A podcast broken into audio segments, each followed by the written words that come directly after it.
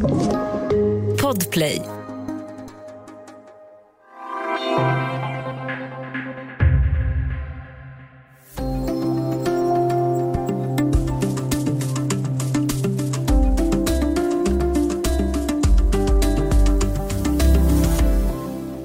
Ett år med feber måste göra någonting med kroppen.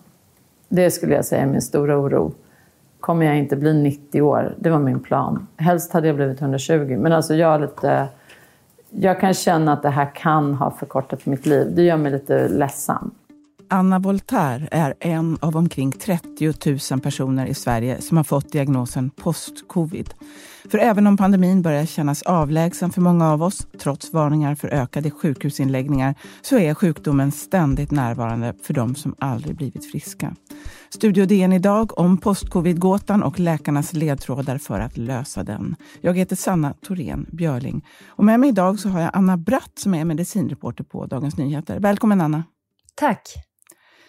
Du, det dröjde ju inte så lång tid efter det att pandemin, pandemin bröt ut för över två år sedan nu, förrän man förstod att det fanns de som inte blev helt friska.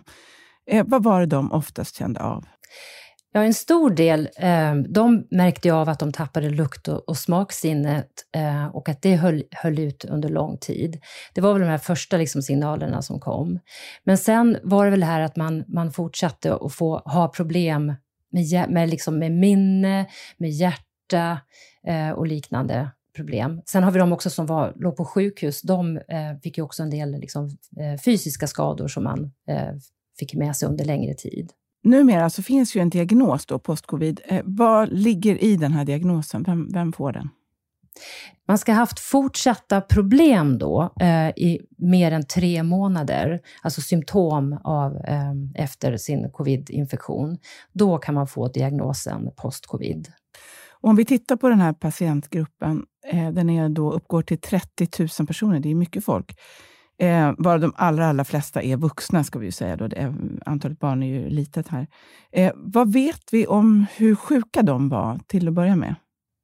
Jo, man kan säga ett, ett tydligt, eh, en tydlig uppdelning i den här gruppen, det är att det finns antingen de då som har varit sjukhusvårdade, alltså legat på sjukhus i kortare eller längre perioder, och så har vi de som var sjuka, men som ändå klarar sig med egenvård i hemmet. Så det är två olika, två olika grupper kan man säga. Och man kan se att eh, att bland de som... Eh, att det, man kan också säga att det faktiskt är flest, att en liten, liten eh, eh, majoritet kvinnor då som drabbas av postcovid. Så alla som eh, får postcovid är inte de som har varit allra sjukast? Det är det man kan sluta sig till här då, utan många var vanligt sjuka kan man säga. Mm. Precis, alltså en del var ju ganska rejält sjuka och hade liksom svårt att andas och vara hemma. Um, och, um, uh, så det är inte det att de hade väldigt lätta besvär. Eh, men det fanns de som hade lätta besvär av covid-infektionen, men som sen, några veckor senare, eh, blir riktigt dåliga, får problem med, med lungor, med hjärta. Så problemen kunde liksom dyka upp senare trots en ganska lätt covid-infektion. Mm. Finns det några andra likheter eller skillnader inom den här patientgruppen? Du nämnde att det var ett liten övervikt för kvinnor. Finns det något annat man kan säga? Bland de som var sjukhusvårdare var de flesta män, kan man ju säga. Um, och där kan man ju se idag då, det kom en studie alldeles nyligen som visar att, från England, och den visar då att, att det är en, alltså en, alltså en, det är en man faktiskt kan säga att en minoritet som har blivit av med sina besvär ett år efter covid-infektionen. Så att man kan se att många har ju alltså väldigt långa, långdragna besvär kan man också, i den här gruppen. Och det gäller ju faktiskt inte bara de som har, den studien handlar om de som har legat på sjukhus, men man kan också se det hos de som har varit eh, hem, eh, hemmavårdare, så att säga. Du har ju träffat och följt en av många eh, av dessa patienter, Anna Voltaire. Hon är, vi hörde henne i början, hon är läkare och författare i 50-årsåldern. Jag har fortfarande världens sämsta minne. Jag är jätte, jätte, jättetrött. Jag sover mer än tio timmar. Jag kan inte ta en muntlig instruktion i mer än ett steg. Recept, liksom, baka kärleksmums.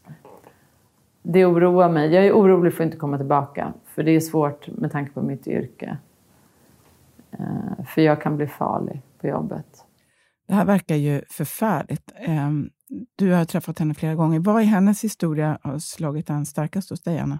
Jag tror det är det här att, att inte veta hur det ska gå. Eh, hon beskrev själv hur alltså hon är ju själv läkare som sagt då, att hur viktigt det är liksom att, få en, att ja, men få en diagnos, få en behandling och sen få en prognos. Att läkaren säger att nu gör vi så här, du kommer att må så här, det kommer ta ungefär så här lång tid.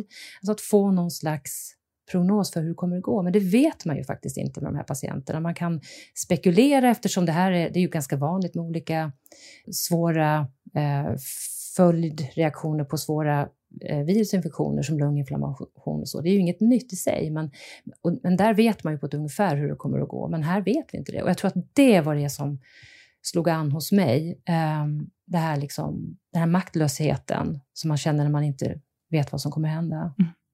Vad har hon själv gjort för att försöka bli bättre? Jag skulle säga att hon har, hon har gjort massa olika saker. Eh, för det första så har hon ju själv då fått lov att driva på för att, få, för att få sin diagnos och för att få hjälp med de olika besvären hon har haft. Eh, så att hon, eh, hon har inte hört till något, eh, kommit till något team tidigt och fått hjälp, utan hon har liksom själv fått lägga pussel. Så att hon har eh, till exempel eh, fått en remiss till neurolog för att få hjälp med den migrän som hon drabbades av, för att på så sätt få läkemedel och även prova botox då mot migrän. Och sen så tror jag också att hon har, när hon har kommit till rehabilitering så har hon också följt de här råden med att liksom ta steg för steg, vara väldigt försiktig, inte liksom går för snabbt fram. Sen har hon gjort mycket annat också, men, men eh, om man säger så, det är inte så att hon har passivt suttit och väntat på att bli bättre. Om vi ska prata lite om forskningen och vad vi faktiskt vet, eh, så förbättras ju kunskapsläget hela tiden, även om det här är fortfarande är en ny sjukdom. En teori handlar om att det här skulle vara eh, en typ av autoimmun reaktion. Anna, kan du bara berätta vad, vad det betyder? Jo, det betyder att, att eh, kroppens, eh, alltså att vårt immunförsvar, eh, det skapas en överreaktion i immunsystemet och då börjar antikropparna att attackera olika celler och vävnader i kroppen istället. Och det kan vara en förklaring till då att, att så pass många kvinnor eh, drabbas av, av det här eftersom man eh, ser att kvinnor i större grad än män drabbas av immunsjukdomar. Och eh, det finns ju fler hypoteser, eh, andra hypoteser också. Eh, men det här är ju en av dem då, att den skulle kunna vara, som skulle kunna förklara den här autoimmuna reaktionen. I ditt reportage så tar du upp eh, några faktorer där man också ser just fysiologiska skador på, på olika organ. Vi går igenom några stycken av dem där. Vad, vad händer med lungorna till exempel? Vad ser man? Ja, man ser då att det här gäller, och det är det som är det märkliga då, att man, det gäller både sjukhusvårdare och de som kanske varit något, haft något mildare sjukdom, nämligen att man får svåra inflammationer i, i, i, lungorna, förlåt, i lungorna. Och då kan man se, då ser man bland annat något som kallas för air trapping, vilket innebär att det, att, eh, att det blir eh, att eh, luft, lungorna lyckas inte liksom tömma sig tillräckligt mycket på på luft, eh, utan det blir liksom kvar i lungorna. Eh, och att det här då beror på inflammationer. Då. Eh, man ser också att att, um, och då betyder det att, ja. förlåt, att, sy, att då är det, får, kan man inte syresätta sig ordentligt, för den luften har, ehm. får dåligt syre då, eller? Det, det kan ha en koppling till det, men framförallt så kan det också ge, att, att ge liksom den här känslan av andnöd och så, att man inte riktigt tömmer sina lungor. Men det kanske är främst kopplat till att andningsmuskulaturen blir påverkad, man ytandas på ett annat sätt, genom att man har svårt att andas. Och sen så ser man också ganska man kallar det för vita lungor, såg man hos de som hade varit riktigt sjuka. Och det innebär att man får ju, att i förlängning, alltså vad det egentligen betyder att man får liksom vävnadsförändringar, inflammationer i lungorna som sen skapar ärr. Så man kan se, det ser, och det här kan man se hos, som till exempel hos Anna Voltaire som jag följde, då, så ser man att hon har det, men hon hade ingen hosta. Det är bara en sån sak, så det var ingen lunginflammation som märktes på det sättet, så att hon hade haft det. Man ser också förändringar i hjärnan, vad är det? Ja, där, dels så ser man, alltså man ser förändringar. Det finns brittiska studier, man ser att volymen på hjärnan faktiskt minskar och det låter ju lite, lite läskigt då. Eh, och att det är kopplat just till det här med att man tappar lukt och, och smak. Att de delarna av hjärnan då krymper helt enkelt. Och där vet man, det, där har man följt dem för kort tid och vet inte om det här återställs eller om det kan bli en bestående Eh, effekt på hjärnan och vad det får för betydelse. Men det kan vara en förklaring, säger forskarna, till att man ser att många får kognitiva problem med minne, arbetsminne och så vidare. Och även får en så kallad hjärndimma, det vill säga man blir väldigt trött. Eh, svensk forskning var väl egentligen först ut och visade inom blodprover att hjärnan faktiskt påverkas, att det är någonting som händer i hjärnan, alltså någon form av inflammation eller liknande, eller en immunreaktion. Eh, så att hjärnan påverkas också. Och så kommer vi till ett annat vitalt organ, nämligen hjärtat. Vad händer med hjärtat? Ja, eh, där kan man ju se, och det är lite intressant om man tittar just på eh, dels de som är sjukhusvårdare då, de drabbas kanske i större grad av, vad ska vi kalla det, mer traditionella hjärtsjukdomar, det vill säga de får hjärtflimmer, hjärtinfarkt, olika kanske hjärtmuskelinflammationer och liknande. Men sen ser man att de som då eh, klarade sig med egen vård, det vill säga aldrig var sjukhusvårdade, de får en annan typ av hjärtproblem. De kan få konstant förhöjd puls, att man går omkring med en, en konstant puls på 100 istället för kanske 70 slag i minuten. Man eh, eh, kan också få liksom små inflammationer och kärlskador som skulle kunna leda till kärlkramp till exempel. Och den tredje eh, eh saker man har sett är att en del då drabbas av POTS, som eh, står för postural ortostatisk takykardisyndrom, om jag får lov att läsa till här, eh, vilket innebär att man får att hjärtat rusar när man ändrar läge från sittande från liggande till sittande och från sittande till stående. Det finns ju också studier, som du var inne på, från USA och Storbritannien. De, det visar sig att det kan ju handla om många andra symptom också, ett 50-tal symptom. Vet man att alla de här hänger ihop? Eh, att, det, att det hör ihop, hör, hör till post-covid ja. just, eller till covid-infektionen. Eh, man ser väl ett samband och i, i många av sammanhangen, så, eller sam, i många fall så ser man samband, men mycket är ju liksom fortfarande att man bara, bara registrerar. Ja. En del av det här det påminner ju eh, mycket om ME, alltså det som tidigare kallades för kroniskt trötthetssyndrom. Det finns ju teorier om att det också är en autoimmun sjukdom. Eh, vad vet man om de där sambanden? Ja, men det, sambanden är väl egentligen att man ser att det är samma symptom. Det vill säga, det är mycket av den här tröttheten till exempel. Den känner vi ju igen då från, från personer med postcovid, Det drabbar ju också ME-patienter att det finns, det finns eh, eh, mycket symptom som, som stämmer överens. Men när jag pratar med forskare i Uppsala, Jonas Bergqvist är väl en av de främsta då, han, han, eh, för han hörde just när post-covid-patienterna beskrev sina symptom så, så kände han ju direkt igen ME-patienterna. Och han, så han, de, inom ME-forskning så ser man ju post-covid som en, som en möjlighet att förstå ME bättre, det vill säga att man, eh, man kan lära sig mycket, för det finns det, det kan vara så att det är ungefär samma mekanismer. Men hittills så, tycker, så, tro, så verkar det som att man inte tror att det är samma sjukdom, men att det finns mekanismer eh, som, som är de samma. Och därför så kan postcovid-forskningen också hjälpa ME-patienterna. Mm. Eh, du var inne på att det finns olika teorier också om postcovid. En del hävdar ju att det där också är psykosomatiskt. Finns det något, vad, vad tyder du på det?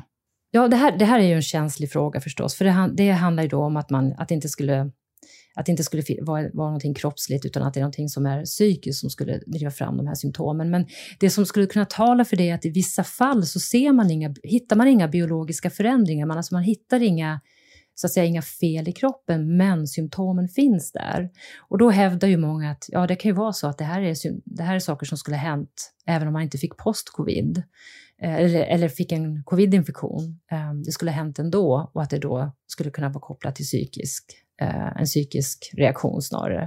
Eh, men det är, det, ja, det är en väldigt känslig fråga. Mm. Och hos många så ser man då de här förändringarna hos organen? Ja, alltså precis. Mm. Eh, många, därför är det väl väldigt bra för den som får sin diagnos att få konstatera att man hittar de här felen. Därför behöver man ju få, man behöver ju få en, liksom en diagnos, man behöver utredas för att se om man har problem, eh, eller man har några skador i kroppen. Och, och, och det, det jobbiga är då om man inte hittar någonting, men ändå så får man de här olika ja, med hjärtproblem och så vidare, utan att, att man egentligen hittar någonting i kroppen. Det är där det blir svårt. Men, men då finns det de, jag har pratat med, med läkare som säger att ja, men det kan vara så att vi bara inte har de rätta metoderna att diagnostisera. Vi kan inte hitta eh, markörer för de här problemen. Och då blir det lätt en, en stämpel att det är psykosomatiskt mm. istället. Just det. De, det kanske finns fast vi inte ser det, helt enkelt. Exakt, mm. exakt. Inte än. Inte mm. än. Mm. Så man vill ju veta då, eh, vad vet vi om, om botemedel eller vad man själv kan göra hittills då, får man också säga? Ja, det kommer nog inte bli så att det är ett botemedel, man tar ett piller eller en spruta och sen blir man bra, för att det är så pass olika eh, saker som händer i kroppen, om det är hjärta, hjärna och så vidare. Så att vad, vad det kommer bli är väl att det kommer finnas läkemedel eh, mot de olika symptomen då med hjärta till exempel eller lungor. Att det blir bättre läkemedel. Och där, där, det ser hoppfullt ut. Med de, de läkare jag talar med, forskare jag talar med säger att det ligger något, något kanske år halvår, år fram i tiden så kommer det bättre läkemedel. Och det är inte bara nya läkemedel utan man kommer också börja använda äldre läkemedel som man nu förstår har en verkan. För det görs väldigt mycket studier. Och vad man kan göra själv, ja, det är ju en svår fråga. Vad man kan göra är väl att framförallt att man, om man misstänker att man har eh, långvariga symptom, att man, att man, att man söker, söker hjälp och, och, och försöker få bli utredd. Eh, och eh, kan få någon form av rehab, för det är väl det som erbjuds framförallt idag. Det du var inne på där kring Anna Voltaire, att hon är väldigt rädd då för, för, att det här, för att inte veta hur det ska bli, eh, eller om det här kan bli kroniskt, att det aldrig ska, ska gå över. Eh, hur resonerar hon själv om sin framtid? Och hur, vad skulle du säga, hur hanterar hon den här vardagen som har plötsligt ställts över en på ända? Ja, det, det, som är, det som är roligt är att hon gradvis blir ju lite bättre, så hon känner ju att det går åt rätt håll. Vi har ju följt henne under en längre tid och kan se att hennes, kanske att hennes minne har blivit bättre och så vidare. Men hon, det som oroar henne det är ju att hon, hon hade ju kronisk feber i ett år och att det då har skadat kroppen och att man inte riktigt vet vad det kan leda till. Men jag tror att, man, man jag tror att hon tar en dag i sänder och en en undersökning liksom i taget och så, och så leder, det, leder det framåt. Men jag tror att hon, det är många som delar hennes liksom oro för vad, hur ska det här bli på sikt? Men att, men att, man, att ändå att det finns hopp. Folk blir bra. Folk blir bättre och folk blir bra. Men det tar tid. Du som följer de här frågorna, Anna, vad, vad tycker du? Eh, vad kommer du att hålla ett öga på? Vad är du nyfiken och intresserad av? Ja, framförallt är det ju botemedel. Vad kommer det för läkemedel? Vad finns det för hjälp att få? Och sen tycker jag det är spännande också med ME att se om, man liksom, om det här också kan spilla över och hjälpa ME-patienter. Stort tack för att du var med idag. Tack själv. Om du vill kontakta oss så går det bra att mejla till studiodn Kom också ihåg att prenumerera på Studio DN där du lyssnar på poddar så missar du inga avsnitt. Studio DN görs för Podplay av producent Sabina Marmelaka, ljudtekniker Patrik Miesenberger och teknik Jonas Lindskov, Bauer Media. Jag heter Sanna Thorén Björling.